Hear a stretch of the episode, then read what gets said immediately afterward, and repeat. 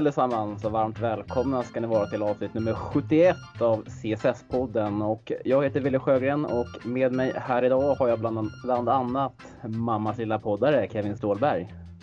vad, vad innebär det där? Ja, det innebär att du gästade ju Kevin Wader tidigare i, i klacken.nu där och två poddar på en dag, då blir man väl automatiskt mammas lilla poddare kanske som Morgon hade sagt. Ja, nej men kanske. Han eh, fina Kevin är ju jäkligt härlig och gafflar lite, men han kan ju alltid någon tysk fotboll och jag måste ändå säga att när man inte pratar Chelsea eller kollar Premier League så är ändå tysk fotbollen ganska nära hjärtat. Så att det, var, det var kul att snacka lite på morgonkvisten när tjejen ligger och sover och jag har ingenting att göra på morgonen. Mm, då passar det på. Men Passar på. eh, det är ju lyckosamt för alla Chelsea, eller svenska Chelsea-supportrar där ute som får hela två Chelsea-relaterade poddar att eh, lyssna på under dagen. Mm, verkligen. Hur är läget annars då? Det är fint. Fan nu, jag måste ändå säga kudos till mig själv. Jag har fan bättrat på min bränna rejält kan jag ju säga de här dagarna. Det har varit fantastiskt väder så att eh, jag mår jävligt bra just nu. Jag läste också på mitt schema i skolan att jag börjar den 31. Jag trodde jag började den 18 så att jag har ju flera, flera jävla dagar kvar nu. Ja, var bra det. Fan, jag, eh, jag drog min första, så här, um, eller la mig ut och pressa i solen första gången eh, förra veckan, eller helgen till och med. Mm. Eh, gick jag ner där till Hornsbergs, eh, Hornsbergs strand och låg, låg hur mycket folk eh, som helst i ja, men 30 grader ute. Alla är bruna och fina. Och så kommer jag där, sliter av mig tröjan, så ett jävla spöke som, som tittar fram. Jag har Ja, bara jobbat hela sommaren. ja fin. Det, det, de, om de behöver en spegel så är det väl bara att kolla på dig liksom så är det lika jävla genomskinligt som ett spöke. Kul. Men eh, vi är ju inte ensamma här idag utan det är ju faktiskt en CSS-poddare som har rest sig lite ur askan.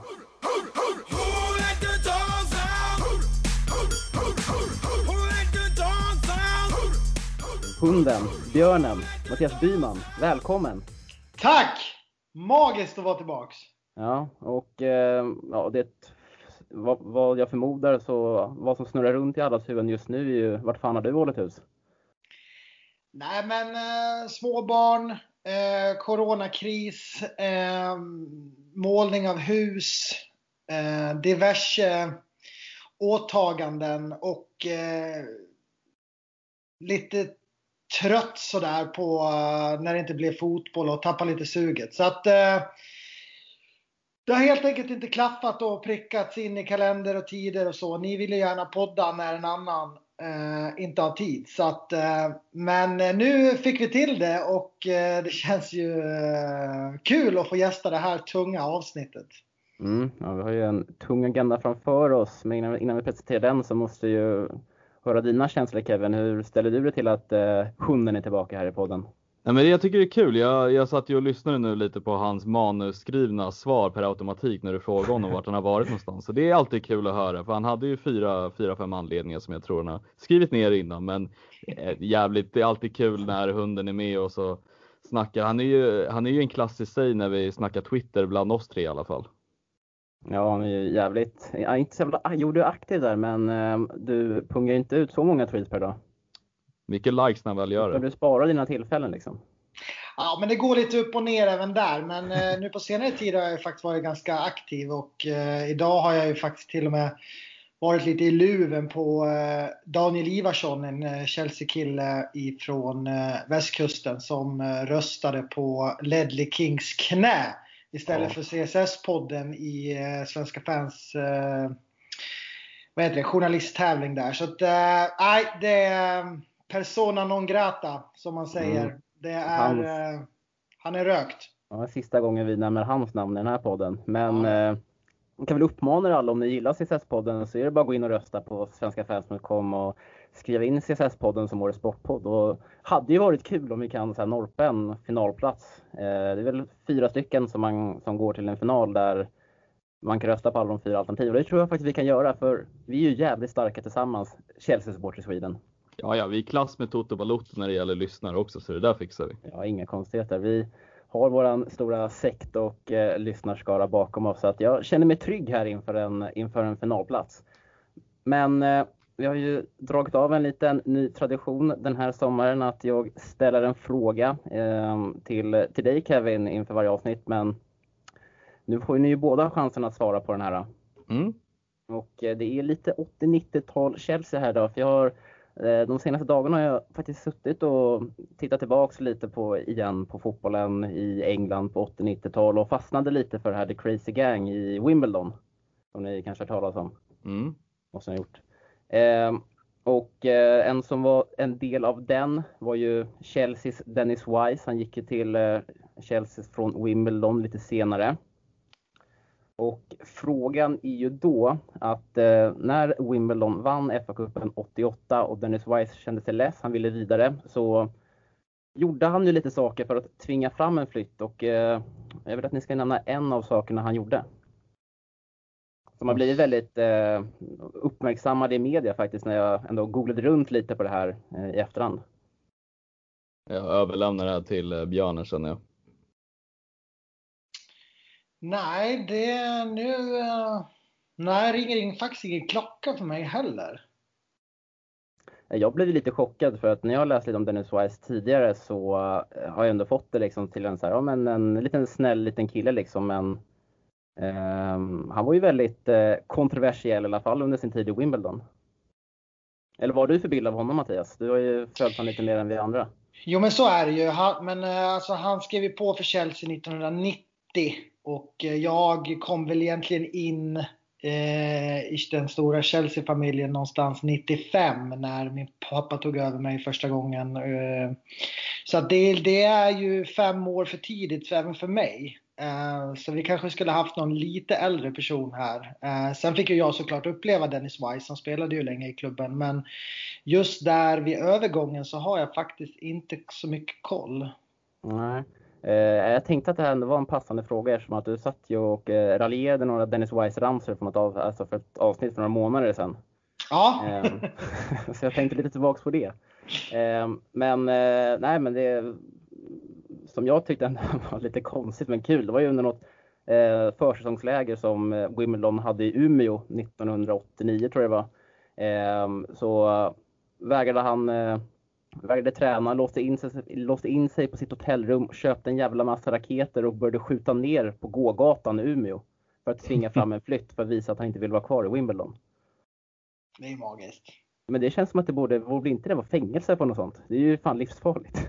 De klarar sig. Jag har faktiskt själv skjutit raketer från en, eh, från en lägenhet. Så att, eh, man kan väl komma undan med det mesta om man har lite tur. Speciellt om Mm. man heter Dennis Wise och eh, spelar i Wimbledon.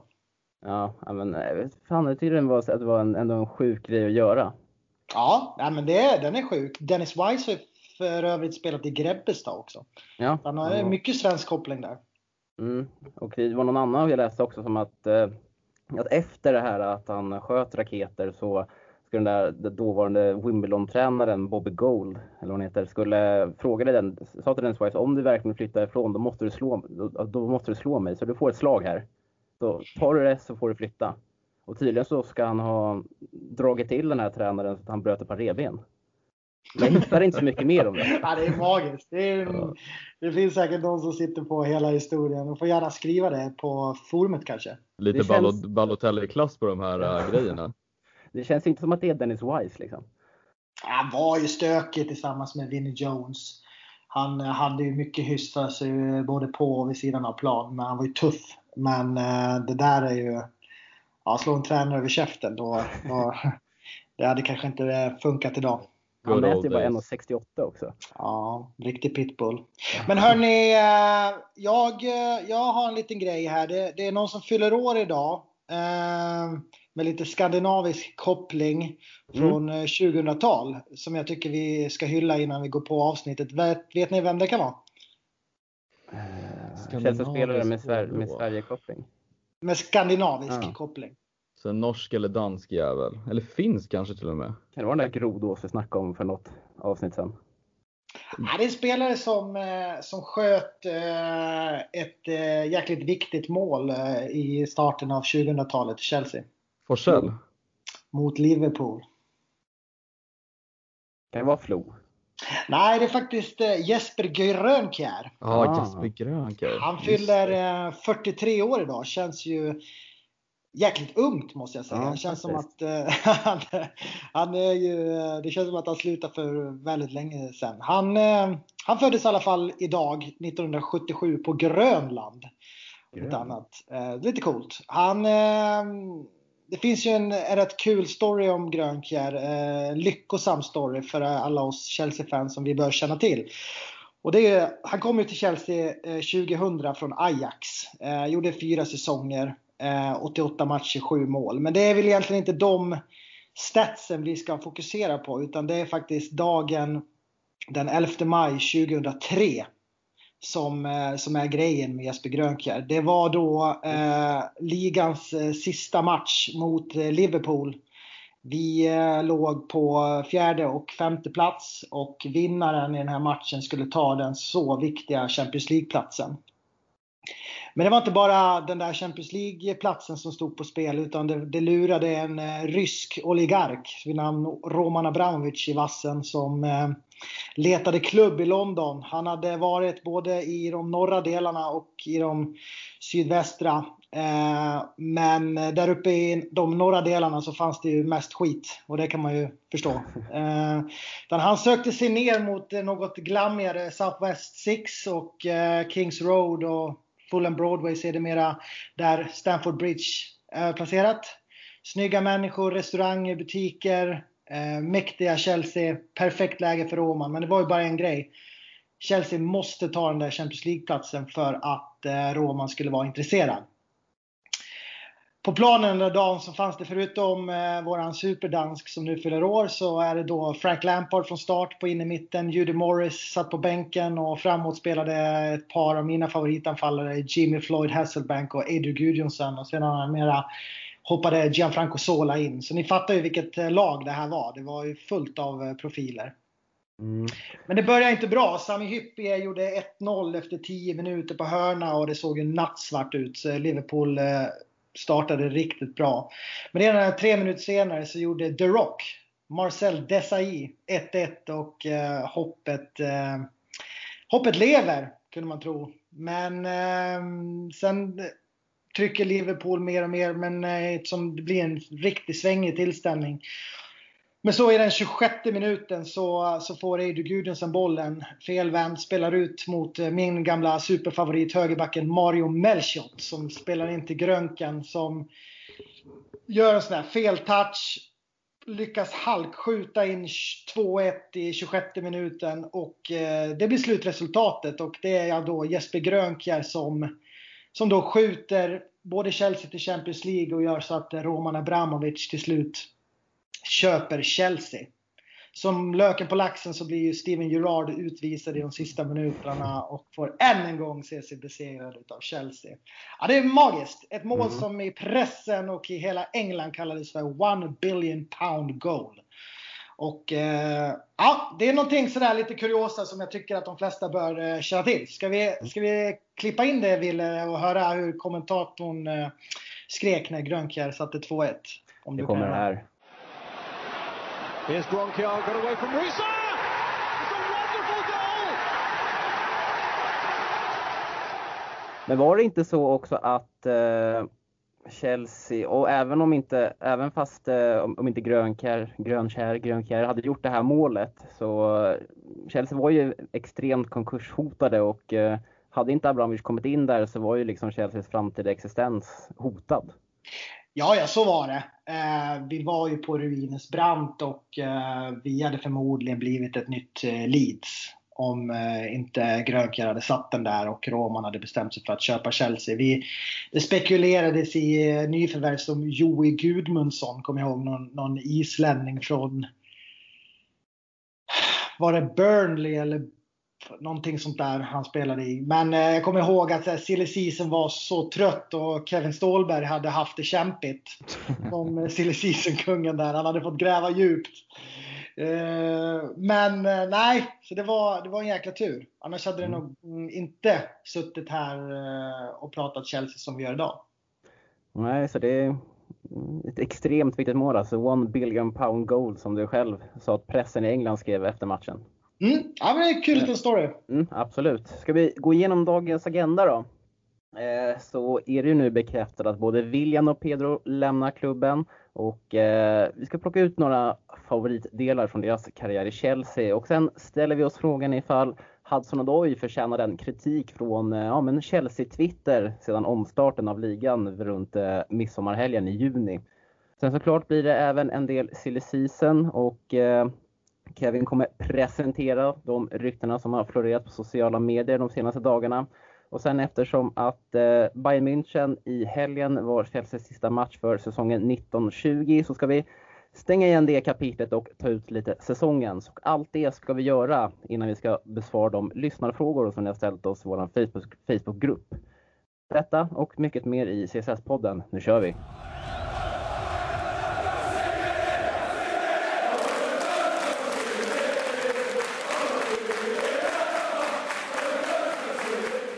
Vi tänker att vi skiter i eh, totalt att prata om matchen mot Bayern München i lördags. finns det egentligen ingenting att säga utan att kanske konstatera att vi torskar med 7-1 över två möten och eh, visar ändå att Chelsea har en liten bit kvar till den absoluta toppen oavsett avstängningar och skador och annat. Så vi hoppar direkt in på William och Pedro eh, som eh, har gjort sina sista matcher för Chelsea och vi tänkte plocka ut varsitt litet favoritminne med dem båda och eh, börja med dig Byman. Har du något favoritminne med William? Och det är ju en liten anti-William har, har man ju fått intrycket av här den senaste säsongen.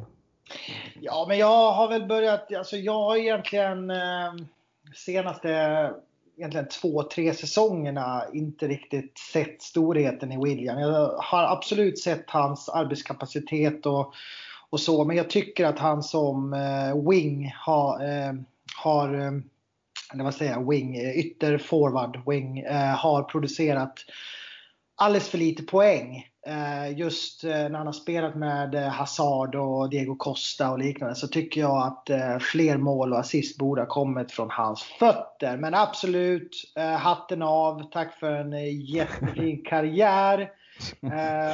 och jag säger väl så här att från mina minnen så alla mål mot Spurs eh, hatet som har skapats mot honom från Spurs håll. Det var ju de som egentligen hade säkrat Williams signatur innan han eh, satte sig i Romans helikopter och flög till Stamford Bridge istället. Eh, och eh, senast nu i år faktiskt två mål på deras eh, nya bräkiga arena så fick han ju faktiskt göra både ett spelmål och ett straffmål. Så att det är väl det jag tar med mig och eh, kanske den fantastiska ramsan då som eh, har skapats till hans ehm, eh, i hans namn. Eh, som jag tycker är jäkligt bra. Så att, eh, det är väl det. Ramsan och eh, hans mål mot Spurs. Är det rättvist att säga att eh, William liksom har ändå ja, men, kastat tändvätska på den elden som har funnits mellan Tottenham och Chelsea sedan tidigare? Ja, men det har han ju gjort lite grann. Jag kommer ihåg den här den här eh, matchen då vi egentligen stängde Tottenhams eh, chanser till att vinna ligan. När, eh, när Spurs försöker håna honom, när många spelare försöker håna William och han pekar på, på Premier League-vinnarmärket på armen. lite kaxigt. Och, så har det ju liksom lite fortsatt. vi har ju haft tuffa matcher med Spurs och William har ju faktiskt alltid stått upp i de matcherna. Så det ska han väl ha cred för. Jag fick bara känslan av att det kanske var lite dött mellan Chelsea och Tottenham pre-William, alltså innan han kom till Chelsea 2013 och eh, den uppmärksammade övergången blev av. Dött och dött. Eh, för oss eh, som Svenskar. har hängt med länge. Och, ja men absolut. men för den en, lite, lite, lite äldre generationen så tror jag den här rivaliteten med Spurs alltid har funnits det har eh, alltid sjungits mycket om Tottenham när vi har rest under både 90 och 2000-tal. Men eh, absolut, för den yngre generationen så kanske rivaliteten med Spurs inte riktigt har funnits där. Men eh, nu känns det ju som att den finns där på alla håll och kanter och speciellt nu när José Mourinho är där också. Så att, ehm, mm. Mm, Kevin, vad har du på viljan då? Nej men eh, matte tog ju såklart min, eh, mitt specifika minne jag hade då där han körde, liksom pekade på, på pokalmärket på armen. Men jag tänker, William hade ju en fruktansvärt fin säsong när han smällde in frispark på frispark och var väl egentligen den, den enda spelaren som bar Chelsea under den tiden när vi var i så fruktansvärt, vi hade en så fruktansvärt dålig säsong. Så det är väl det jag kommer ihåg främst att han, eh, han var ju väldigt, väldigt bra den säsongen. Sen så det är något minne också från Barca Chelsea när William smäller in en boll eh, på någon hörna och han får någon retur och smäller in den i högra hörnet. Det var också ett jävligt betydelsefullt mål även fast vi i slutändan åkte ut samma säsong. Eh, sen så, vad har vi mer på William? Men jag tycker liksom jag kommer minnas William ändå så den, med en spelare som var väldigt lojal mot klubben på det sättet. Ja, man kan väl orda om liksom hur mycket poäng han verkligen bidrog med, men just den arbetskapaciteten tycker jag extremt underskattad bland liksom de yttrar vi har haft och de spelare vi har haft. Jag tycker att han förtjänstfullt alltid har tagit hem jobbet och det var ju i mångt och tycker Mourinho som skolade honom väldigt bra defensivt och den liksom arbetskapaciteten ändå har haft med sig även fast Mourinho lämnade klubben. Så att eh, det är väl liksom de specifika minnen jag kommer på nu av William och det är väl bara liksom tacka, precis som Matte säger, tacka honom och hoppas på ett bättre äventyr i Gunner som han kommer gå till. Mm, jag tackar honom för sju svåra år ändå för att eh, för mig så har han ändå varit alltid en spelare som men typ så här, har ändå haft väldigt höga toppar men även väldigt djupa dalar. Eh, man kommer ju ändå alltid minnas honom eh, i alla fall jag, för att han alltid steppade upp när det verkligen gällde. Han var alltid bra, eller oftast väldigt bra i de stora matcherna, men eh, kunde inte leverera på samma sätt mot, eh, mot sämre motstånd. Och det kanske är en motivationsfråga för William som han mentalt kämpa med, inte vet jag. Men man var ju så jävla less på att se honom på Stamford Bridge eller på bortaarenor och misslyckar en dribbling borta mot VBA och sen skiter i hemjobbet, hänger med huvudet. Alltså det, och den här signalen som han sände ut till övriga, lag, till övriga lagkamrater. Mm. mm. Den gillar ja, men jag inte. håller med. Och, och som jag har varit inne lite på innan, jag tycker att eh, under sex säsonger så har han liksom aldrig gjort över 10 mål eller 10 assist. Och det, tycker jag är eh, ganska dåligt om man spelar bredvid de eh, superstjärnor som vi ändå har haft under åren. Och han har ändå spelat i, i lag som har vunnit ligan och sådär. Så att det, nej. Uh, hatten av, men jag kommer inte gråta blod nu när han går till uh, Arsenal dit vi skickar våra pensionerade brassar. Ja, men vi tackar väl för det. Två, det blev två Premier League, eh, två Premier League-titlar, det blev en ligacup. Eh, blev det en eller två FA-cupar för honom? Eh, ja, det är frågan. Vi vann ju med Conte där.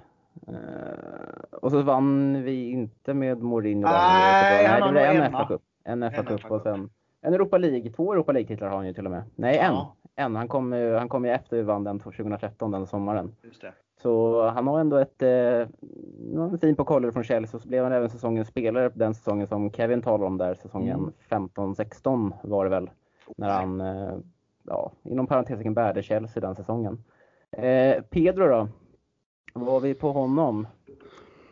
Jag tänker framförallt, jag vet inte, alltså han har ju också varit en väldigt lojal spelare, men alltid när jag tänker på Pedro så kanske det är ändå hans debut mot eh, VBA borta i augusti 2015. För då hade ju Chelsea, det var ju mycket problem internt med, eh, ja men, Eva, den gamla Eva Carneiro eller vad hette, den gamla lagläkaren och Mourinho och Chelsea fått en usel start på ligan. Man värvar Pedro sent, han kommer in direkt och är skillnaden till att vi vinner mot VBA borta med 3-2. jag minns hans mål från den matchen faktiskt väldigt väl. Lite, lite favoritminne jag har faktiskt. Men det var väl ett halvtaffligt avslut med vänstern om inte jag minns fel mot West Bromwich tror jag. Ja, alltså det är inte själva att målet var så jävla Nej, snyggt exakt. utan det var att det kändes ändå som att oj, nu fick Chelsea in det som de behövde för att komma på fötter igen efter den usla mm. starten. Mm. Ja, nej men, och jag, om jag bara får tillägga något, något minne jag också har av Pedro. Nu är vi inne på Spurs-runket igen och vi kan väl lika gärna stanna där. Det var ju ett mål när han får bollen av eh, Fabregas utanför straffområdet, kör liksom en kröjfvändning med vänster och skruvar in den med höger och det symboliserade Pedro lite. Det här var säsongen 2016 tror jag.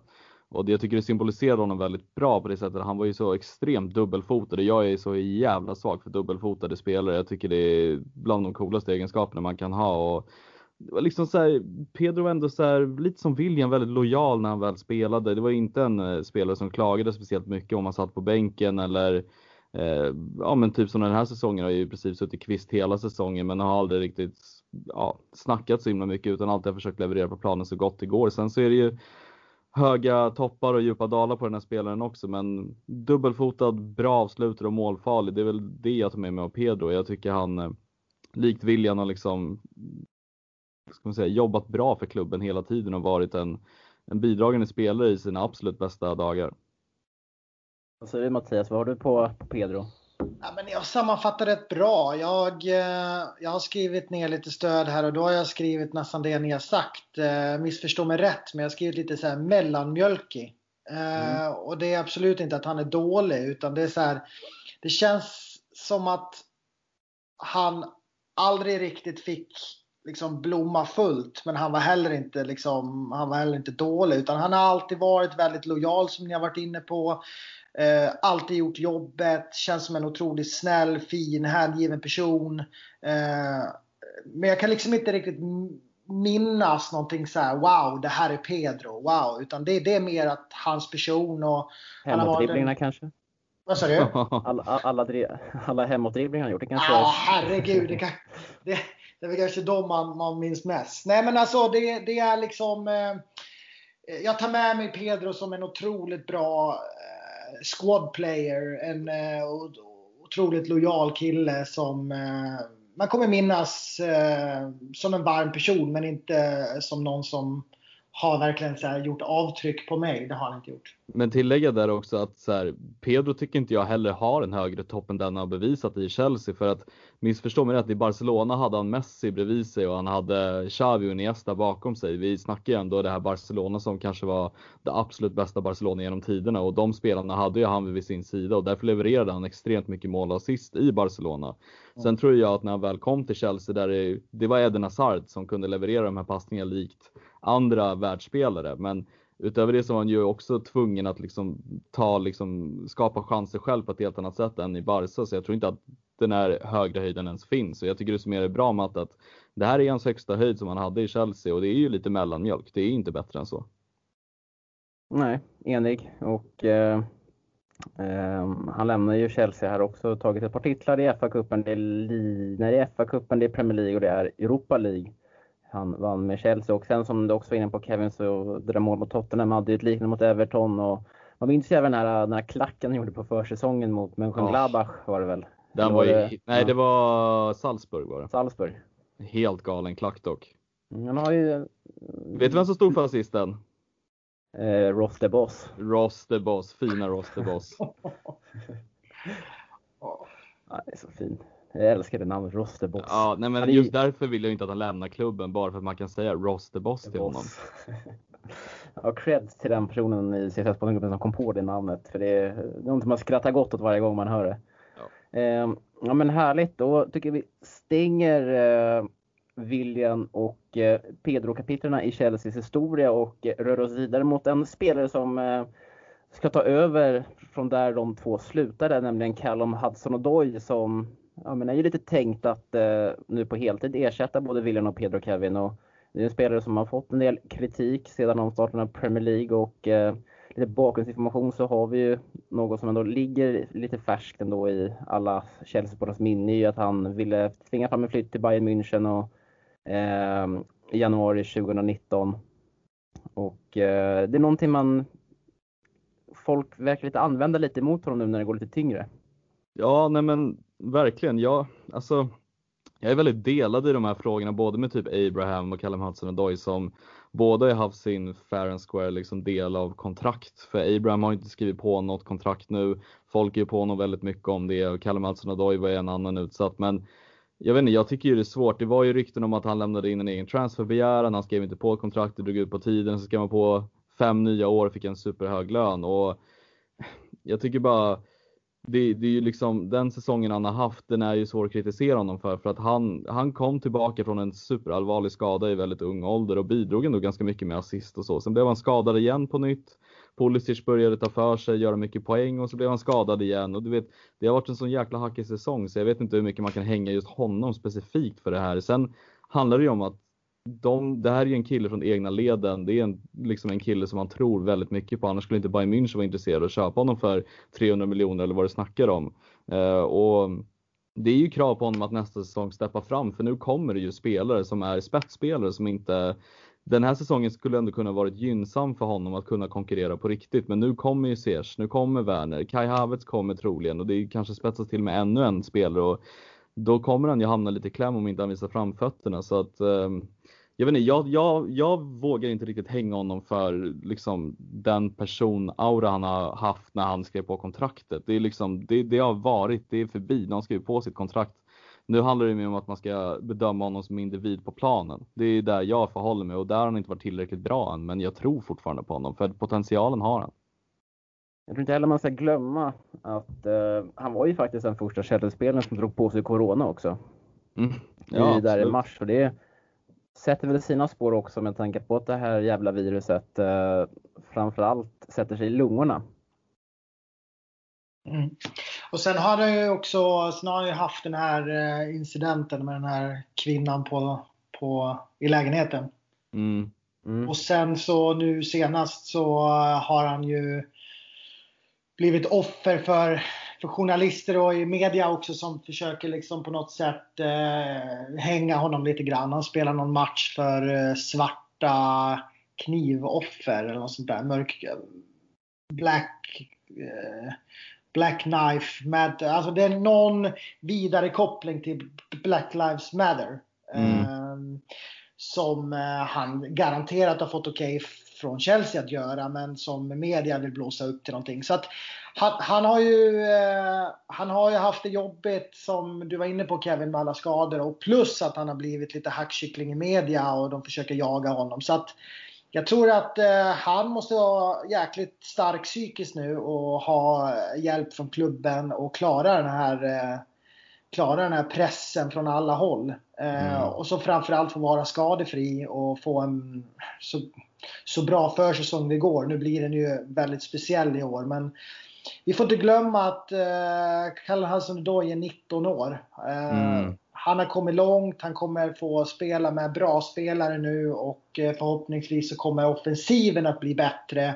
Och då kanske också Callum Hudson-Odoi blir bättre. För det är inte lätt att spela i ett lag som, som har problem med offensiven då, då, när man är ung. Utan man vill ju gärna rida på en, en våg som är bra. Så att ja, jag tror fortfarande och hoppas mycket på Callum Hudson idag. Eh, skadefri, eh, får jobba lite i det tysta nu när stjärnorna kommer och eh, få lite speltid så att eh, jag tror han har en ljus framtid i klubben.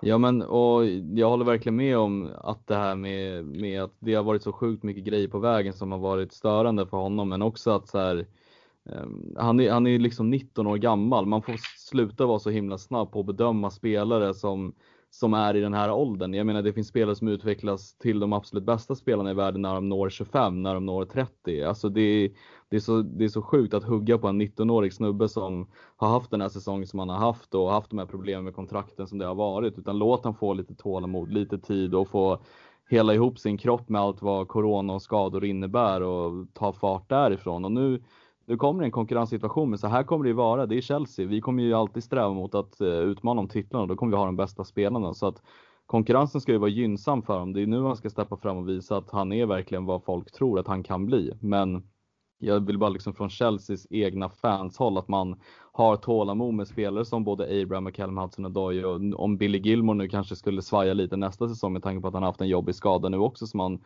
genomlider. Att man, man har tålamod för spelare för det tar tid att utvecklas och komma in i liksom rätt mental fas eller en rätt mental fas. Jag kan ju tänka mig själv hur det är att vara ung fotbollsspelare med liksom allt vad media har att säga om och speciellt när man kanske är mörkhyad, man känner att det är liksom mycket rasism i fotbollen och sånt som händer. Så att jag, jag vet inte, jag, jag har ändå stor respekt för Hudson och Doy om att han kan ta sig jävligt långt fortfarande.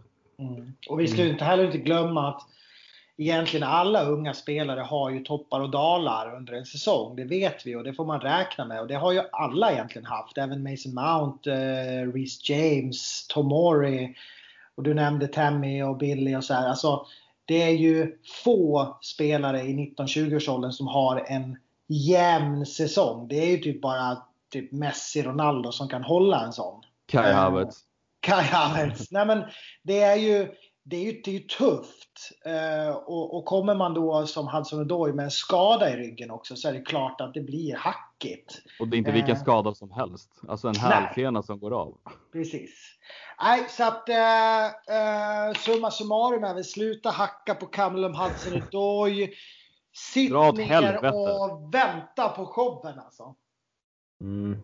Nej men det, så det är och sen så det känns som media också generellt i England har ju nu under coronapandemin när de inte haft så mycket annat att skriva om så de försöker hitta så här, så här häxjakter efter, på spelare. Eh, har ni sett till exempel, jag vet att både typ The Mirror och Daily Mail har varit ute och gjort så här gamla så här, återblickar när, och på Ashley Coles otrohetsaffär och att John Terry reste till Portugal mitt under pandemin och allt möjligt. Ja, och Kalmans då. Så det sätter nog press också på en, eller lite spöken i huvudet på en så ung kille också som ni båda är inne på när pressen går ut och skriver om det här, den här eh, misstänksamma våldtäkten som det kom fram till att det inte var någonting. Ja men också så här, med tanke på att Callum Hudson-Odoi var väl ändå den första liksom från den egna leden som kom fram. För ja, alltså absolut, Abraham och Mount och Billy Gilmore och Reece James har ju kommit fram den här säsongen. Men Hudson-Odoi spelade även säsongen innan. Och då är det ju lätt liksom att man, man, man vet vad han redan har och vad han är och man har sett videos på honom och då blir det lätt också att det blir läggs ännu större press på honom. Eh, I och med att han har liksom spelat säsongen innan och allt det här med Bayern München ryktena och vad som hände och så. Så att man liksom, som Hatte säger, 19 år gammal. Alltså det är en 19-årig grabb. Det är inte mycket för att vara liksom en fotbollsspelare. Han har många år kvar i toppen och han kommer ju lära sig. Jag tror att Lampard är den perfekta tränaren att ha just för det mentala. Jag tror att han kan dels genom det här förtroendet han verkligen behöver. Jag tror att han känner det redan nu och verkligen hjälpa honom på vägen. För Lampard har ju varit där själv. Han var inte, Lampard var ju inte en super, super talang när han kom fram när han var 18-19. Han började utvecklas efter liksom 20-årsåldern. Det var då han var som bäst. Så att man liksom bara har det i åtanke. Mm. Eh, men eh, ja, vi har ju redan summerat summa summarum som Matte skrev där, som Matte sa där och eh, med det tycker jag att vi lämnar Hudson där och blickar framåt lite mot silly season för nu har ju det här eh, Bayer Leverkusen åkt ut Europa League och nu ska det väl äntligen börja röra sig lite kring Kai Havertz, Kevin? Så är det ja. Eh, David Ornstein är väl den senaste i raden som förmedlar att Chelsea är nu redo att eh, acceptera kostnaden på 80 miljoner euro för Kai Havertz som, som då kan stiga till 100 miljoner euro, en miljard kronor alltså, om alla bonusar skulle slå ut. Och David Ornstein är väl i klass med Fabrizio Romano och alla de här största korrespondenterna i trovärdighet. Så att eh, det är väl, för mig har det alltid handlat om en tidsfråga och jag har varit väldigt tydlig, eller tydlig, jag var väldigt tidig också med att säga att det kommer ske efter Bayer Leverkusen åker ut och nu har de ju åkt ut så jag tror att det här kommer röra på sig. Jag fattar det som att Kai Havertz ska iväg på semester alldeles strax så att man vill lösa det innan Ehm, innan han är tillbaka inför säsongen igen, den tyska säsongen och den engelska säsongen. Så att jag tror att räkna med i alla fall efter helgen så bör det hända någonting i alla fall. Mm. Eh, och eh, igår så kom Sky Sports ut med lite eh, nyheter om att Chelsea lagt ett officiellt bud på Declan Rice och eh, då är du snabbt ute på Twitter, eh, Byman, och eh, sa att det var fullkomligt rimligt att Chelsea har gjort det. Du vill väl verkligen ha Rice till, till klubben? Ja, jag, jag vet att eh, det är många som inte vill se Rice i klubben, men jag vill verkligen se Rice i klubben. Jag tycker han har gjort en jäkligt bra säsong. Han kan både användas som defensiv mittfältare och mittback och han har ett eh, Chelsea-hjärta. Han eh, kommer bli en otrolig pådrivare. Han är redan eh, vice lagkapten i West Ham och har visat otroliga ledaregenskaper både i, i, i, klubblag och landslag. Så att, eh, jag tror att vi har en riktigt bra spelare i Declan Rice på gång och eh, självklart ska han spela i Chelsea och inte i West Ham. Och där vill jag också bara förmedla att eh, just det här budet som vi har snackat om tidigare, det är ju dock någonting som, eh, som har slagits ner av olika tidningar, men även Nizar Kinsella har varit ute och twittrat om att det inte finns något officiellt bud lagt än, men att det troligen pågår diskussioner mellan klubbarna och bara för att lägga in min take, vi snackar ju en halv miljard på Declan Rice. Där tycker jag, jag ställer mig i alla fall tveksam till att lägga ut en halv miljard på Declan Rice. Ta det i jämförelse med Laporte som gick för 700 miljoner eller van Dijk som gick för 800 miljoner. Det är inte så många miljoner ifrån de summorna. Jag tror inte Declan Rice är värd så mycket pengar. Det är bara min take på det. Mm. Ja, men jag är lite inne på det här nu spåret, att, eller jag har ju sagt hela jävla sommaren tror jag, men att eh, har Frank Lampard identifierat att Rice kommer lösa de problem vi har i mittbacken, då litar jag på att Rice är den snubben som vi ska ha in. För det har blivit väldigt tydligt i de här värvningarna av Havertz och Werner att det är det Frank Lampards värvningar. Det är Lampard som kommer värva alla spelare Chelsea, som Chelsea tar in här framöver. Eh, och vill Lampard ha Rice, då ska vi fan självklart Rice in. Och jag läste i The Athletic här för några dagar sedan där de skrev till och med Frank, skrev om Frank Lampards påverkan på på Chelseas eh, transfers helt enkelt. Att tydligen så hade Chelsea spelare på gång in som i princip var klara för klubben men som Frank Lampard i sista sekund sa nej jag vill inte ha den här killen så det blir ingenting med det och Marina och övriga i, i ledningen lyssnade på honom. Jag tror att det var Rondon i januari va? Låter Nej, helt sjukt nu men, men eh, vi var ju i desperat behov av en anfallare i januari. Vi, vi, eh, vi kommer ihåg vi satt här i podden och, och grät och längtade. Det spekulerades både Cavani och Rondon och det var Mertens. Och, mm. var. och jag tror att Rondon, jag läste också det här, jag tror att Rondon var i princip klar men då sa Lampard nej jag eh, eh klarar mig utan, jag ser ingen potential i honom, jag kör med Giroud. Som var på väg till Inter va. Eh, men eh, Lampard eh, lyckades övertyga honom att stanna och han fick ju en väldigt viktig roll och var ju faktiskt löken på laxen till att vi klarade den här Champions League-platsen. Så att som du säger Wille, lita på Lampard. Vill han ha in Rice så tror jag att Rice kommer bli en väldigt viktig spelare för oss. Jag menar, idag spelar han defensiv mittfältare. Om en säsong kanske vi inte har N'Golo Kanté, vi kanske inte har Jorginho. Eh, vi kanske liksom, det, det kommer finnas eh, utrymmen för Rice att spela. Och vill han ha honom som mittback och ser potentialen i det så, så tror jag på honom. Mm. Ja, enig. Och eh, rullar vidare då så har ju mm. både Athletic där och eh, Fabrizio Romano och Kevin skrivit att eh, Kepa inte kommer att stå en till match för Chelsea och ny målvakt ska således in. Mm. Eh, men jag tänker nu också här att med Kai Havertz och Rice, det kommer bli två väldigt dyra transfers, lägger till en målvakt där. Mm. Eh, kommer Chelsea, ja men helt ärligt, ha råd att eh, plocka in en vänsterback eh, i det här fönstret? Eller kanske man blickar, riktar blicken mot det kanske januari eller nästa, eller nästa sommar? Det är väl lite det ni är inne på, det spåret om att Känner Lampard att han vill ha Ben Chilwell så kommer han nog försöka lösa Ben Chilwell. Kan han inte få honom då tror jag att han kommer hoppa att värva någon annan för jag tror att det är lite så Lampard känner. För det har ju bevisligen funkat att spela Spilicueta ut till vänster även fast det inte är optimalt och även att Alonso har klivit upp som en wingback när vi har bytt till 3-4-3 så att det, det har ju gått att ta sig igenom och jag, jag å andra sidan ställer mig väl lite tveksam till att Alonso och Emerson ska väl vara fortsatt vänsterbackar nästa säsong tillsammans med Aspilicueta där. Jag hade gärna sett någon annan att man kan lösa en Tagliafico eller Sergio Reguilon som det har skrivit mest, mest som nu på senaste tiden från, från Real Madrid. Um, jag skulle nog ändå säga att mittbacksproblemet är väl det absolut största problemet. Sen är vänsterbacken det näst största problemet och, eller ja, tillsammans med målvakt också såklart. Vi har ju liksom tre, tre problem där bak som bör lösas och jag tycker att man bör värva in en spelare för alla de positionerna och kanske fördela summorna lite bättre. Därför tycker jag Declan Rice är lite svår att värva för en halv, en halv miljard kronor för att eh, det kommer bli svårt att kunna täcka upp alla positioner där bak då. Men eh, ja, jag är helt med dig. Men sen, man känner lite samtidigt också här att eh, man kanske ändå får låta det här växa lite under, under ett par transferfönster för att klock... Det, fan alltså, det, plockar man in 6-7 nya spelare på ett fönster, det kommer, ta, det kommer ta ett tag innan det sätter sig. Mm, så är det ju verkligen. Det är väl slussa in dem lite försiktigt, några, några här, några där, för att mm. de som har kommit in tidigare verkligen kommer in i klubben så de ger chans till nya att verkligen komma in. Mm, nej men så är det verkligen. Och det som är positivt är att jag kan bara, det är en bra övergång till, eh, till en annan nyhet för att det börjar röra på sig lite ut från klubben också. Jag vet att Bakayoko är fortfarande ägd av Chelsea, ironiskt nog. Och eh, både Fabrizio Romano och Di Marzio har ju varit ute och sagt att Milan är intresserade av att låna Bakayoko tills, tills nästa säsong med en obligatorisk köpsklausul på 35 miljoner euro. Det är ändå ganska bra rekvisita för den investering vi har gjort på Bakayoko. Det är en helt okej summa att kunna släppa honom för. Så där tycker jag att det bara kör. Och kan vi få in liksom ännu mer pengar för att kunna finansiera våra andra värvningar så är det bara släpp dem för de priserna. För att Bakayoko är väl ingen som är jättesugen på Drinkwater, ingen jättesugen på. Så kommer det in bud så är det bara att släppa dem. Mm. Jag tror ju kanske man kan, eh, kan man använda ett par spelare till att få Declan Rice också. Det spekuleras i att David Moyes vill ha roster boss.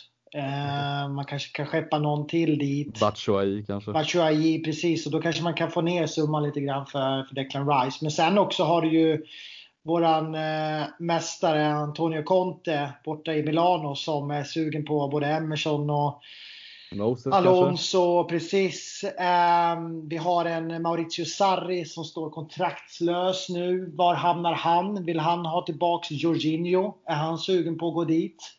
Uh, det, det kan ju röra på sig en hel del med spelare ut och det vore ju fantastiskt. Jag såg ett riktigt sjukt rykte. Vad har du läst något mer om det Kevin?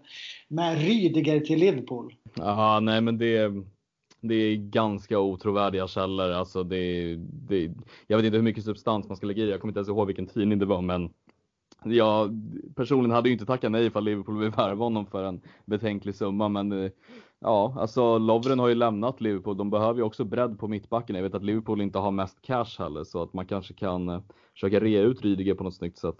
Mm. Nej, men det jag tänkte lite på att det funkar väl inte att man bygger ett helt nytt lag under en, under en eh, sommartransferfönster så att låter det gro lite över transferfönster och inte liksom vara först, alltså ta in alla på en gång.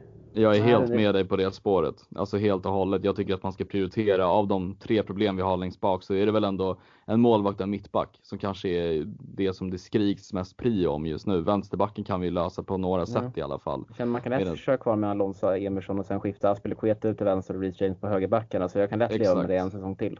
Men jag kan inte leva liksom med en, eh, en full dansk där bak och en eh, liksom spansk paellätande målvakt som inte har koll liksom på vad som händer på planen. Utan där tycker jag att det är prio, prio, prio att värva in spelare. Men som du säger så kan man alltid flexa på vänsterbacken. Men bara en sista take på Silly innan vi kanske rör oss vidare mot någonting. Det är ju att vi är väldigt, väldigt nära på att värva en spelare som heter Xavier Mboyamba som kommer ifrån Barcelonas Juvenil A, vilket är deras U19-trupp. Vad som är intressant med den här snubben är att han är nederländsk, 1,96 lång, mittback och jämförs med van Dijk med både tekniken och snabbheten. Och jag såg lite videos på honom, han ser ruskigt intressant ut kan jag säga. Du får dela det i CSS-podden-gruppen kanske, de videorna.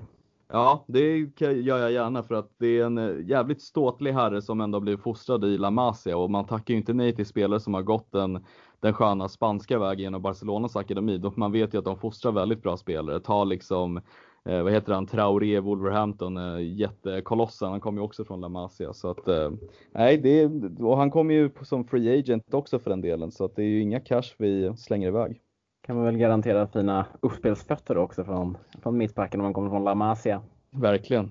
Mm. Men vi får se helt, eller har du någonting du vill tillägga där Mattias? Nej, men jag såg bara eh, att det var en ganska erkänd källa. Det var Kevin Bader och eh, våran Fredrik Pavlidis som hade en tråd där om att City har börjat röra sig mot eh, Koulibaly. Mm. Spekuleras i 63 miljoner euro. Där, där bör ju vi, om vi har pengar, vara med och hugga. Det är ju jag tycker det... att det är, det är den mest optimala mittbacken vi skulle kunna värva. Ja, precis. Så det, alltså då får det kosta vad det kosta vill. Eh, om pengarna finns. För att eh, där kan vi liksom inte där kan vi, kan vi inte tumma. Det hade varit en perfekt värvning för oss. Eh, och, där Ross snackar vi ändå... och 50 millar. Ja, till Napoli. Jag tror att Ross the Boss i Napoli hade inte varit helt fel heller. Maffian där nere. Ja, han kan gå vad han vill liksom.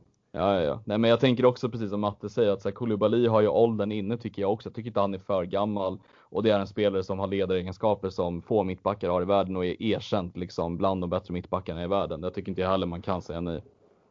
Nej, där ska vi vara med och, och hugga om vi kan. Ja, och vi får helt enkelt se eh, vilka spelare som kommer in för att silly lever ju i allra högsta grad.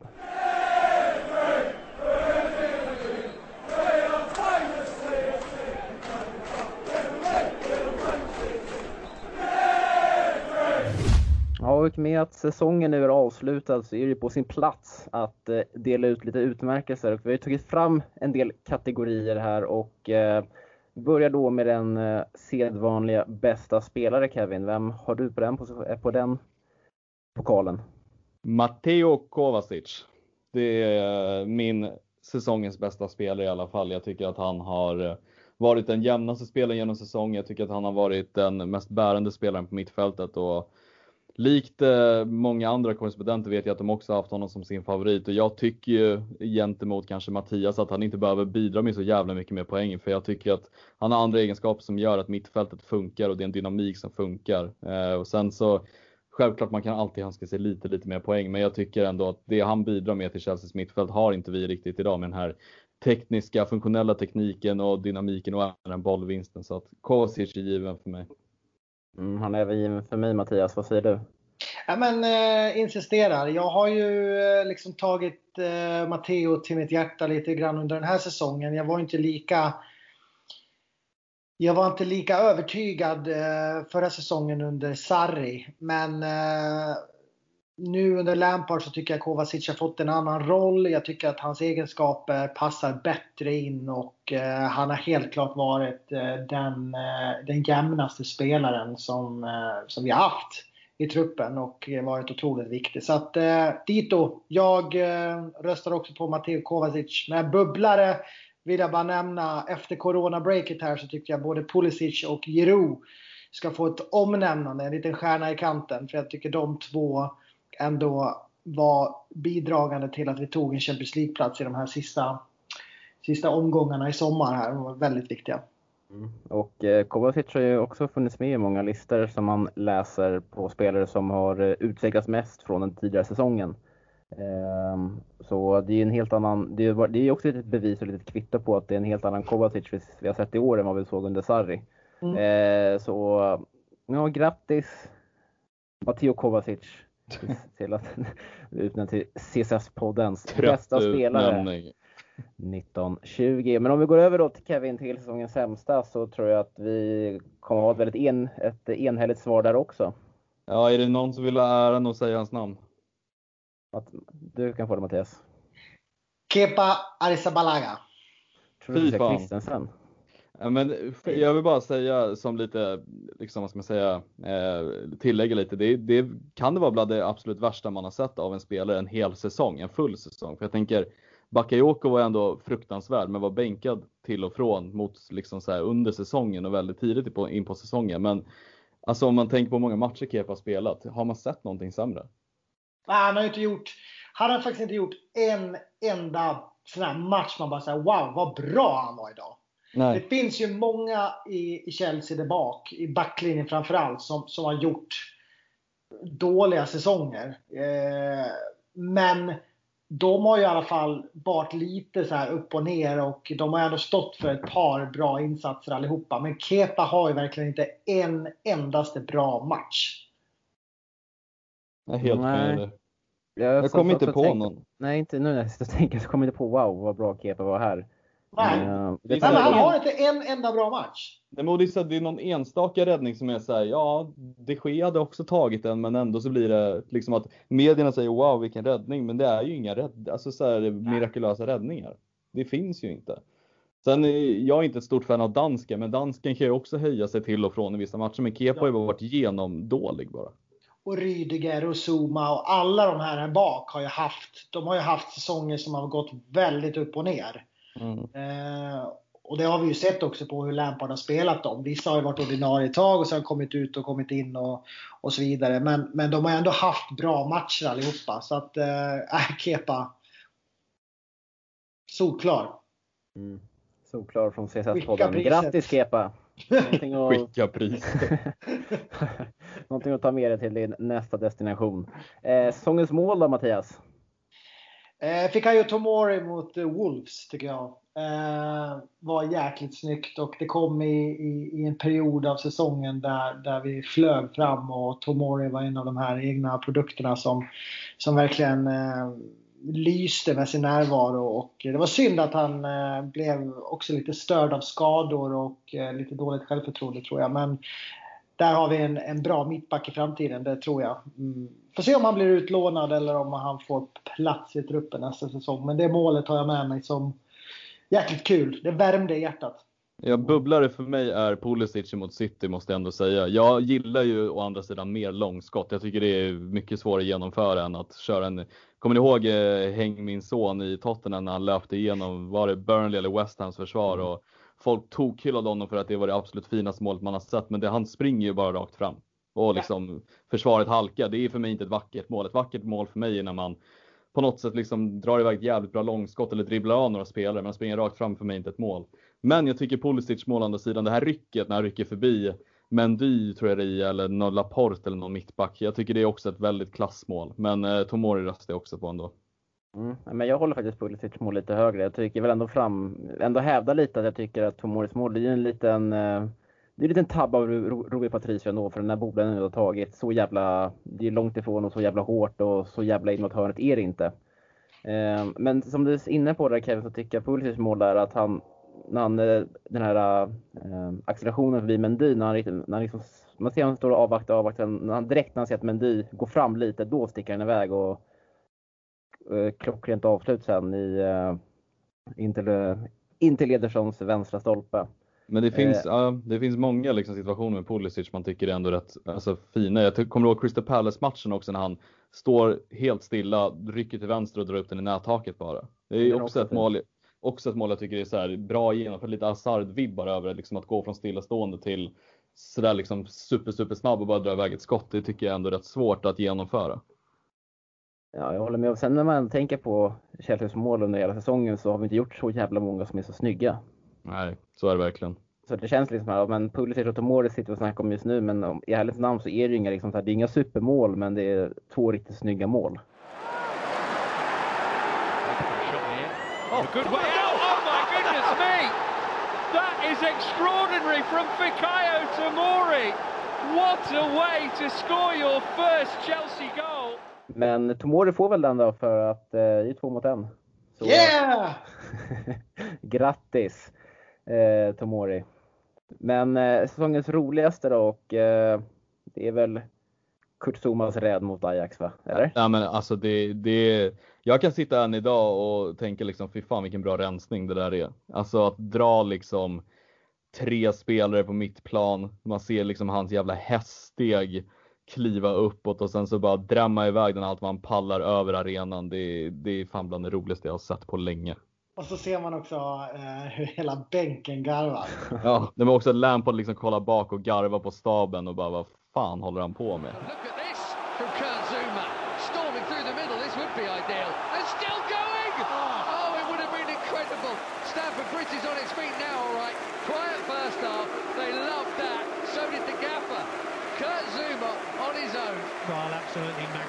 Magnificent run. No one was anywhere near him to make a challenge. Here's the step overs. One, two, three. Even there, I think he could have kept going. Så jävla roligt. Det är ju kul för att det är just Kurt Zuma också. Ja. hade det varit typ såhär Christensen, det hade varit jävla... hade det varit typ såhär någon, någon annan typ i truppen, vem som helst, det hade inte varit lika kul. Då är det bara Nej. Fredrik Temmes som hade tyckt att det var kul. Kul. Om det var Andreas Christensen. ja, han älskar ju Christensen. Vet du vad han eh, heter i mellannamn, Kurt Zuma? Happy, Happy. Ja, han heter Happy. Det tycker jag är ja. symboliserande för honom. Ser alltid glad ut. Ja, det är därför som det blir så kul. Alltså det är så här, det är så här, man, minst oväntat är att det skulle komma från, eller från, från Zuma och så, så gör han det där liksom. Ja, det är vackert. svinroligt. Eh, Topplock, Kevin? Den är väl eh, given också. Det är väl eh, Frank Lampard mot Liverpool nu, senaste ligan. Det är bland det, bland det roligaste man har hört från Lampards sida. Det var jävligt kul att höra honom skrika liksom fuck off till Liverpool-bänken. Det är någonting man uppskattar att höra.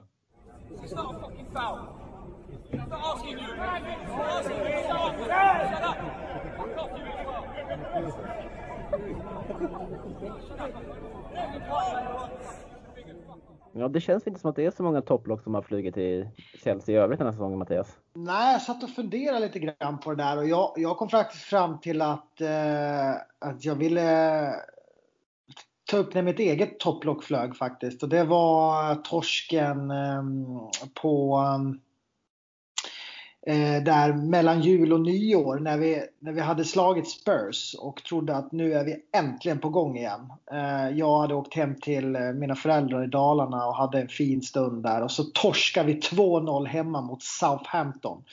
Då gick mitt topplock. Skumtomtar, alla dina askar, glöggkoppar, julgranskulor. Fan rök all världens väg alltså. Helvete vilket antiklimax det var. Det la sig som en jävla blöt filt över hela middagen där på annandagen. Så att eh, då rök mitt topplock. Eh, då, då tyckte jag att då är fan råttet mågat alltså. Men, men vi eh, reste oss igen. Så att, eh, men eh, det var en jävla frustrerande match tycker jag. Det minns Aha. jag varför sa du inte det tidigare så man kunde rösta på? Verkligen. På det topplocket? jag, jag, röstar på, jag röstar på Mattias topplock. Ja, det gör jag också. Att du skickar in ett, ett, ett ljudklipp på det här nu Mattias så att vi kan lägga in det i CSS-podden. när skumtomtarna flyger och glöggen går åt helvete och allt möjligt. Liksom. Fina, fina skumtomtarna. Ja, Eh, ja, men grattis Mattias. fan det känns fint att komma hem med det här priset ändå. Årets topplock. Mattias Byman. Byman. Eh, årets flopp då? Och här känns det ändå lite tråkigt att eh, ta Kepa Arrizabalaga Kevin för, eller, kan, eller Ja. han ens in till den här kategorin eftersom att man, hade man, Nej, vilka förväntningar hade man på, på honom inför säsongen? Ja men Kepa hade man väl ändå hyfsade förväntningar på sig att han skulle ta sig uppåt. Men jag har faktiskt valt en annan om jag får nämna den. Mm, kör. Jag har Jorginho. För att jag eh, tyckte att den, alltså slu- man skyddade Jorginho väldigt mycket förra säsongen med tanke på att han, han, man såg ju liksom klipp på när han hade bidragit med olika typer av passningar upp mot anfallet som aldrig genererade något mål. Han fick aldrig några assist och han började väldigt bra den här säsongen. Sen blev det bara käpprätt neråt. Alltså det, det har ju inte sett bra ut från Jorginho. Man har ju märkt också att han inte passar in i Lampards spelfilosofi överhuvudtaget och han har väl spelat hyfsade matcher nu på slutet, men det är inte för mig i alla fall en spelare som ska vara ordinarie nästa säsong. Och det går lite för långsamt, han är lite för vek, han är lite för långsam generellt, springer inte så snabbt och inte så starkt. Det, liksom, det går bara inte och jag tycker, för mig med de förväntningarna jag hade på Jorginho och för den summan, han köptes ju för nästan 600 miljoner kronor, så tycker jag att han är säsongens flopp. Nej, jag håller inte med där faktiskt. Det behöver du inte göra, din Eh. Nej, men Nej, jag, jag faktiskt... Eh, ja, jag, eftersom vi hade utsett en sämsta spelare så hade jag lite svårt att liksom ändå så tänka vem floppen var. Men nu när du säger det Kevin så, så Jogge, han, han, eh, han har ju inte varit bra. Och Nej, men också. 600 600 miljoner kronor. Ja, han passar inte heller in. Han, Nej. han, är ju inte, han får inte ut det han är bra på. Han ska ju spela med Sarri eller nå- någon sån Ja. där som verkligen vill liksom ha honom där bak och styra allt. Men det kommer ju vi, han, kom, han kommer ju förmodligen bli såld det här fönstret eller nästa. Ja, det handlar ju bara om vilka vi får in och inte. Ja men Eh. exakt. Och så fantastiska egenskaper som fotbollsspelare men man märker att Lampard vill ju ha tvåvägsspelare på mittfältet och det är inte Jorginho. Han är liksom enkel, han är en regista, en italiensk regista. Det är där han ska spela och det kommer vi inte vi behöva om vi nu ska spela med en defensiv mittfältare för då har Kanté gått före honom också för den delen och där tycker jag Kanté är bättre. Fast jag tycker ändå att, eh, sett vi kanske har lite mer tvåvägsspel och det jag tycker ändå att Jorginho i alla fall under den första halvan av säsongen ändå anpassat sig lite till Frank, Frank Lampards eh, spelsätt på det sättet för att han blir ju lite bunker, alltså lite, lite mer brunkare på planen. Men jag, alltså jag köper ju liksom att han var en dyr spelare som man hade väldigt höga förväntningar på som man förväntade sig mer utav men jag skulle inte hävda att han, alltså jag kommer inte komma, komma, kolla tillbaks på hans eh, tid i Chelsea som en floppspelare. Utan jag tycker ändå att han har bidragit väldigt mycket, varit vicekapten också. Eh, får inte glömma det. Samtidigt som att han får inte ut sitt bästa och det är liksom inte, egentligen så är det inte hans fel. Ja, men alltså jag tycker ändå, är du en tillräckligt bra fotbollsspelare så ska du kunna anpassa dig. Alltså jag tycker inte Jag tycker ändå han har gjort en del. Alltså inte Nej, i ja, alla fall. Men jag, ja, men jag, jag fattar vad du menar på ett sätt, men jag, jag tänker liksom prissumma och vad han har för kvaliteter så tycker inte jag att han har bidragit allt för mycket den här säsongen. Jag, jag köper vad du menar liksom med att han, han har ändå haft prestationer den här säsongen som är helt okej, men för mig inte det gör inte honom given överhuvudtaget och jag tycker inte att 600 miljoner kronor liksom räddar upp att han på något sätt är en så här superbra spelare för Lampard och har varit en bra spelare den här säsongen. Jag tycker verkligen inte det. En annan som jag tycker kan nämnas är Rydiger som var skadad i början av säsongen och som alla satte, sig hopp, satte sitt hopp till när det svajade bakåt. Och sen när han kom tillbaka och var skadefri och sådär så tycker jag inte alls han höll heller. Och jag tycker att Eh, Rydiger är inte heller en spelare för Chelsea i framtiden så att om någon vill köpa honom i sommar så är det varsågod för att eh, det är alldeles för svajigt, eh, ojämna presta prestationer och klumpig med fötterna och klumpig tacklingar och Nej, eh, det kan vi också liksom, om vi ska leta lite floppar så tycker jag eh, Rydiger kan gå lite i den. Nu vet inte jag vad han kom men jag- från, för, för, för summa från Roma. Men, 150 typ.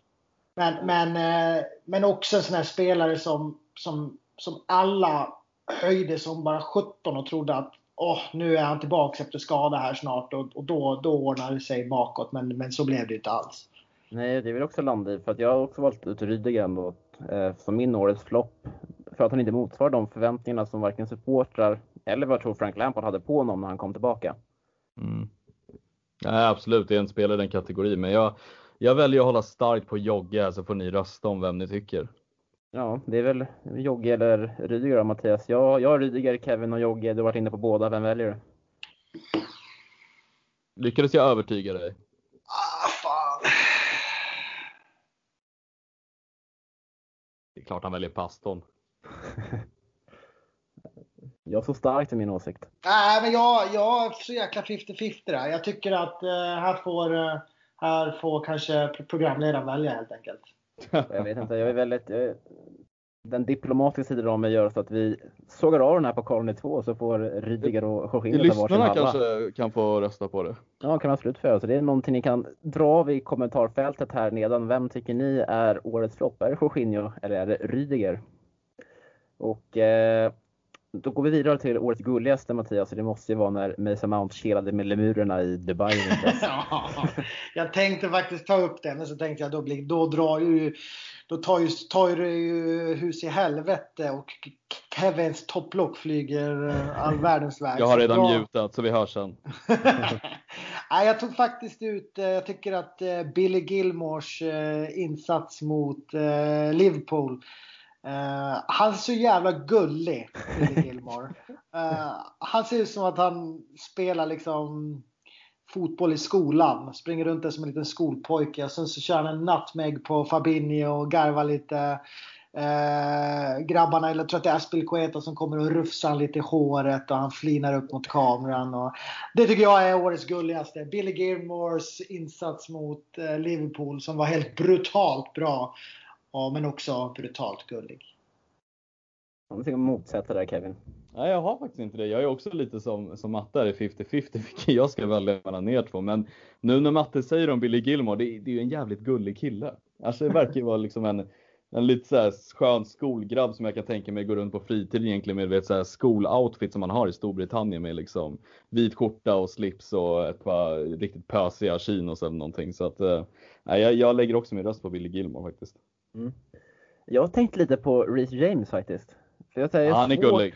Ja men inte för att han är gullig, väldigt, alltså, han är, alltså inte för att han är gullig så, men alltså grejen är att jag, jag har svårt liksom så här förmedla vad jag ser av honom på planen. Men det känns, han, han, han har ju fått lite här epitetet Hulken i Chelsea, han bredaxlade snubben. Mm. Som är lite snäll men som är kanske lite dum i huvudet också för att det finns vissa situationer under plan, alltså på planen, där han brunkar på på sin kant, gör något väldigt brutalt som är, ja men, frisparkar och grejer och han är helt oförstående vad han, varför domaren dömer så och vad han egentligen håller på med själv. Men då är det ju säsongens mest dum i huvudet i sådana fall. Ja, men det, jag, tycker det, jag tycker att det är lite, lite gulligt när han, när han står där helt så här, släng, slänger ut med armarna, ser jävligt oförstådd ut. Så här, "Ja, men Taylor, vad, vad håller du på med nu? Varför dömer du så här? Mm. Alla Ja. ser det förutom Reece James. Ja, men Lite jag bara, du nämnde Taylor. Men bara, jag tog bara någon domare. Ja, men jag tänker säsongens fulaste är väl ändå Anthony Taylor mot Arsenal.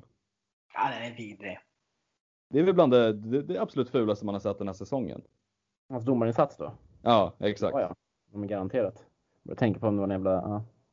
Ja, men jag bara, kul att du nämnde Taylor för jag kände bara, jag hade skrivit ner liksom säsongens fulaste Anthony Taylor. Alltså, det, vi har ju inte snackat så mycket om det heller generellt med varandra. Det var väl Taylor också som eh, var domaren när Harry Maguire satte upp sin sula i bröstet på, Bröstet. Det var ju uppe på kuken på Batshuayi. på Batshuayi. Det var väl också Taylor? Ja. Ja. Ja men och det är liksom, så här, nu tänker inte jag ha någon jävla liksom eh, konspiration om att det är Taylor dömer emot Chelsea hela tiden. Men just den matchen var ju bland det mest pinsamma man har sett. Ja, man har många sådana där matcher med oss. Det är så jävla konstigt. Speciellt Kovacic utvisning när han själv blir trampad på foten och får gult. Ja. Ja. Mm. Och att man inte använder VAR då.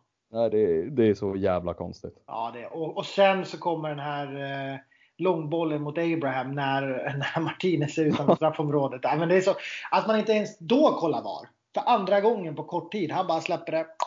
Det finns inte ens några repriser. Nej, nej, men alltså det... Då var det också topplock på Byman kan jag säga. Fina topplocket. Eh, Men det blir väl Billy Gilmore då som blir säsongens gulligaste då kanske. Jag kom, på en, jag kom på en till grej bara. Ja, det, skulle är ju runt jul när Christian Pulisic ska berätta om sin eh, om, om vilken serie han sitter och tittar på nu och tycker är bäst. det är då, då väljer han ju då Prison Break. Bara så här 10 år efteråt. Ja, 15 år. Ja, alltså det, är så, det är så sjukt alltså. Var han ens född? Ja.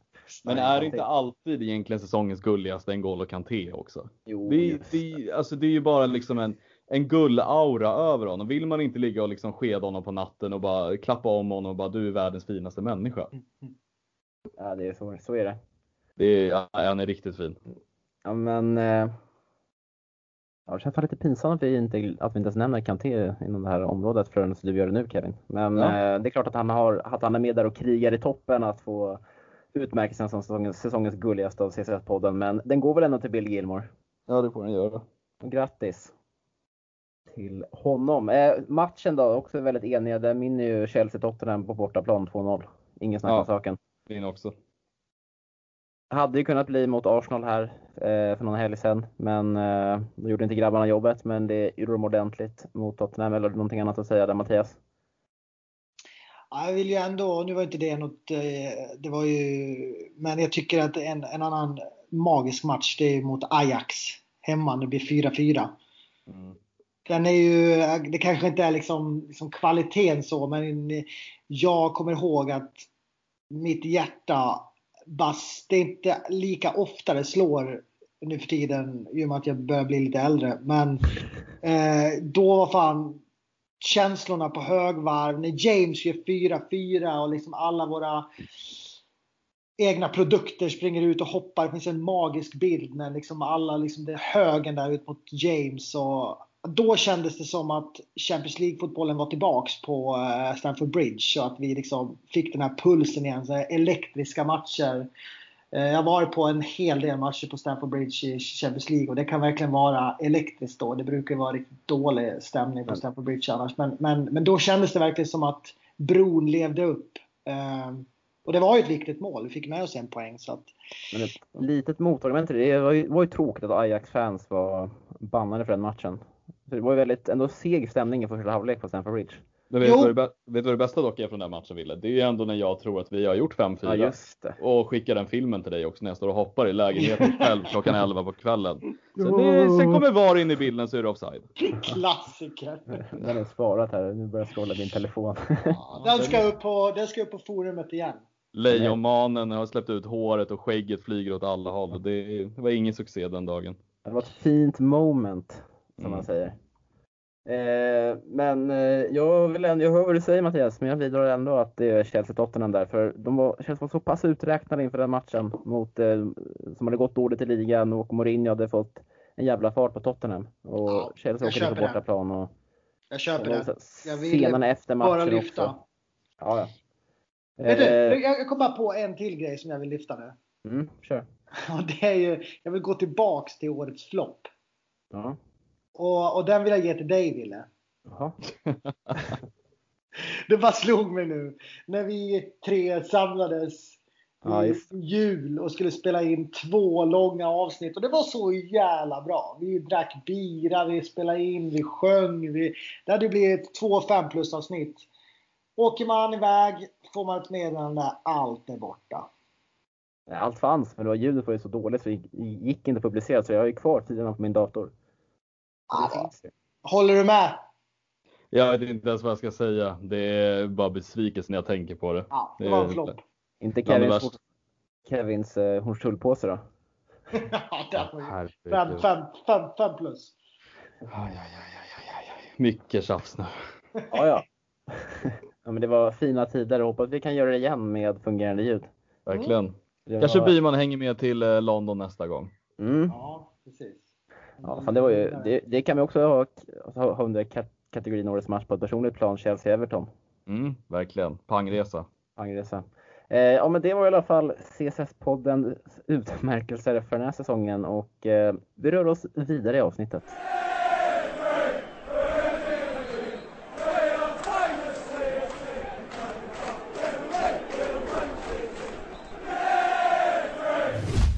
Som vanligt så har det öst in frågor i vår grupp på Facebook, CSS-podden. Och är du inte med än så tycker jag att det är hög tid att bli det nu. Det är bara att gå in på Facebook, skriva in CSS-podden i sökrutan och så behöver du svara på en enkel fråga så godkänner jag dig att gå med.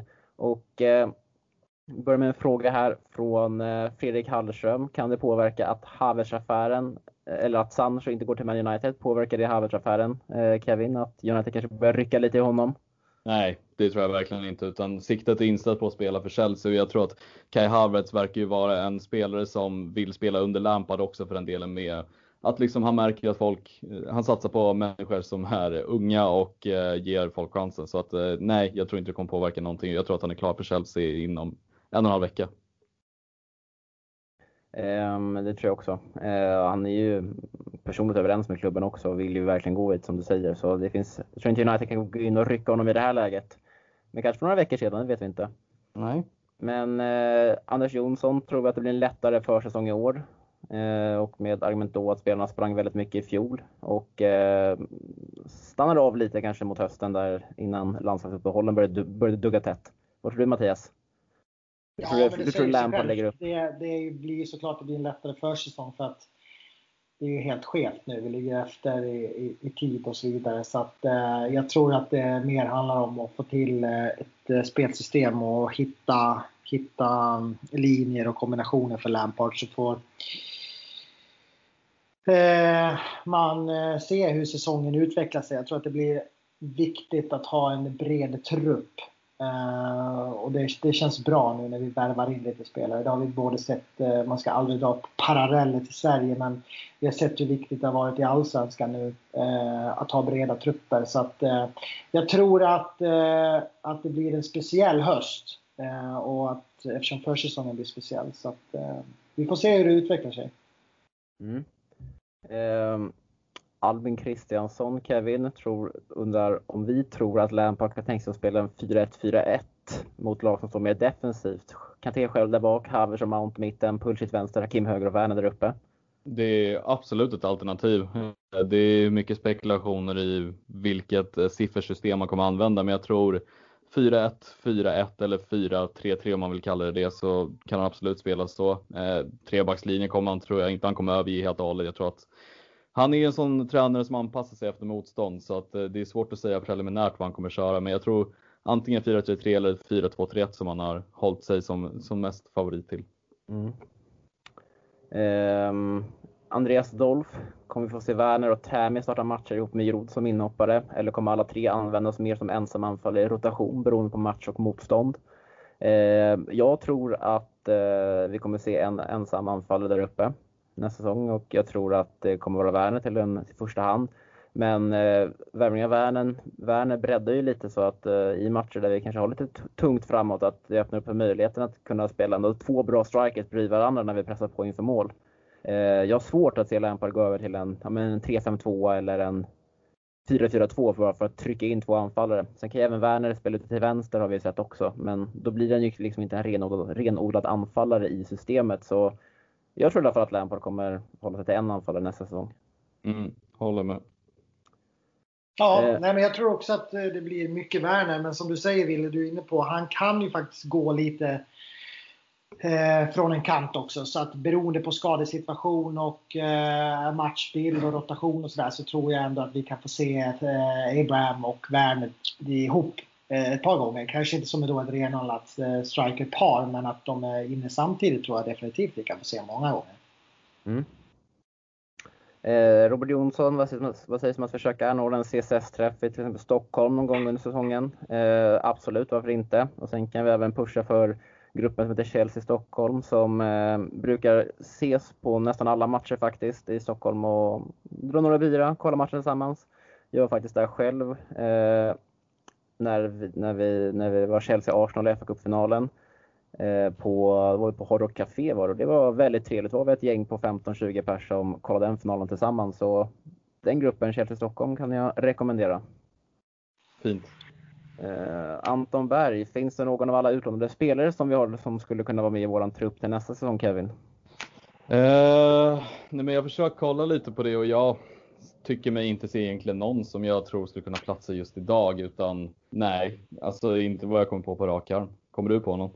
Jag tänker kanske på Isan Ampadu kanske kan ta någon, trupp, eller någon plats i truppen men inte direkt som en startspelare. Men frågan är ju i truppen. Ampadu mm. kanske. Eh, Gallagher har gjort det bra men han behöver väl skulle vara perfekt kanske till att låna ut till något lag som precis tog sig till Premier League. Fulham kanske, West Brom. Sen snackas det om att Ampadu är ju på väg att lånas ut till någon Premier League-klubb med någon typ klausul där han ska få spela x antal minuter. Så jag tror inte att han är på väg in heller för den delen. Mm. Jag tror ju att Ampadu hade varit perfekt i en klubb som Fulham. Mm. Eh, där hade han kunnat spela ganska mycket och, och fått Premier League. också. Vad sa du? Leeds också tror jag han hade passat väldigt bra i. Ja, precis. En spelare som Conor Gallagher skulle jag inte vilja se i, i ett lag som precis har tagit sig upp till Premier League. Jag, jag är jäkligt emot offensiva spelare som lånas ut till bottenlag. Då mm. ser jag hellre Conor Gallagher spela i ett topplag i Championship eller gå till, till något lag i någon annan liga där han får spela i, i, i ett lag som faktiskt anfaller. För att Eh, det blir alltid så jäkla svårt för offensiva spelare att spela i bottenlag. De får liksom inte, de får liksom inte ut sin potential och eh, de får mest eh, jobba hemåt. Så att där tror jag inte på ett lag i botten i Premier League utan snarare ett, ett riktigt bra lag i Championship eller som sagt om det finns intresse från utlandet. Kanske Vitesse.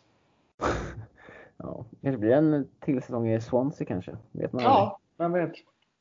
Eh, men där känner vi oss väl nöjda för den sista frågan där om vänsterbackar har vi redan avhandlat lite tidigare i avsnittet så tänker jag att det börjar bli dags att tacka för oss om ingen av er har någonting ni vill tillägga. Mattias Burman, du har ju varit tillbaka nu efter x antal månader. Hur har det varit? Otroligt kul! Eh, långt avsnitt, hoppas ni har orkat lyssna hela vägen och jag eh, lovar om ni vill att jag eh, kommer tillbaks inom kort och eh, skäller lite grann. Eh, så att eh, det varit mycket trevligt. Mm. Eh, och med det sagt Kevin så stänger vi igen den här boken för idag va? Det gör vi. Mm. Och då får jag i vanlig ordning uppmana alla att följa oss på sociala medier på Instagram och Twitter. På Instagram där vi heter Chelsea Sweden official och där på Twitter heter Chelsea Swede. Och såklart även följa vårt dagliga arbete på Svenska fans där vi pumpar ut artiklar dagligen om vad som händer och sker runt om i klubben. Och med det sagt så får jag önska alla en fortsatt trevlig dag.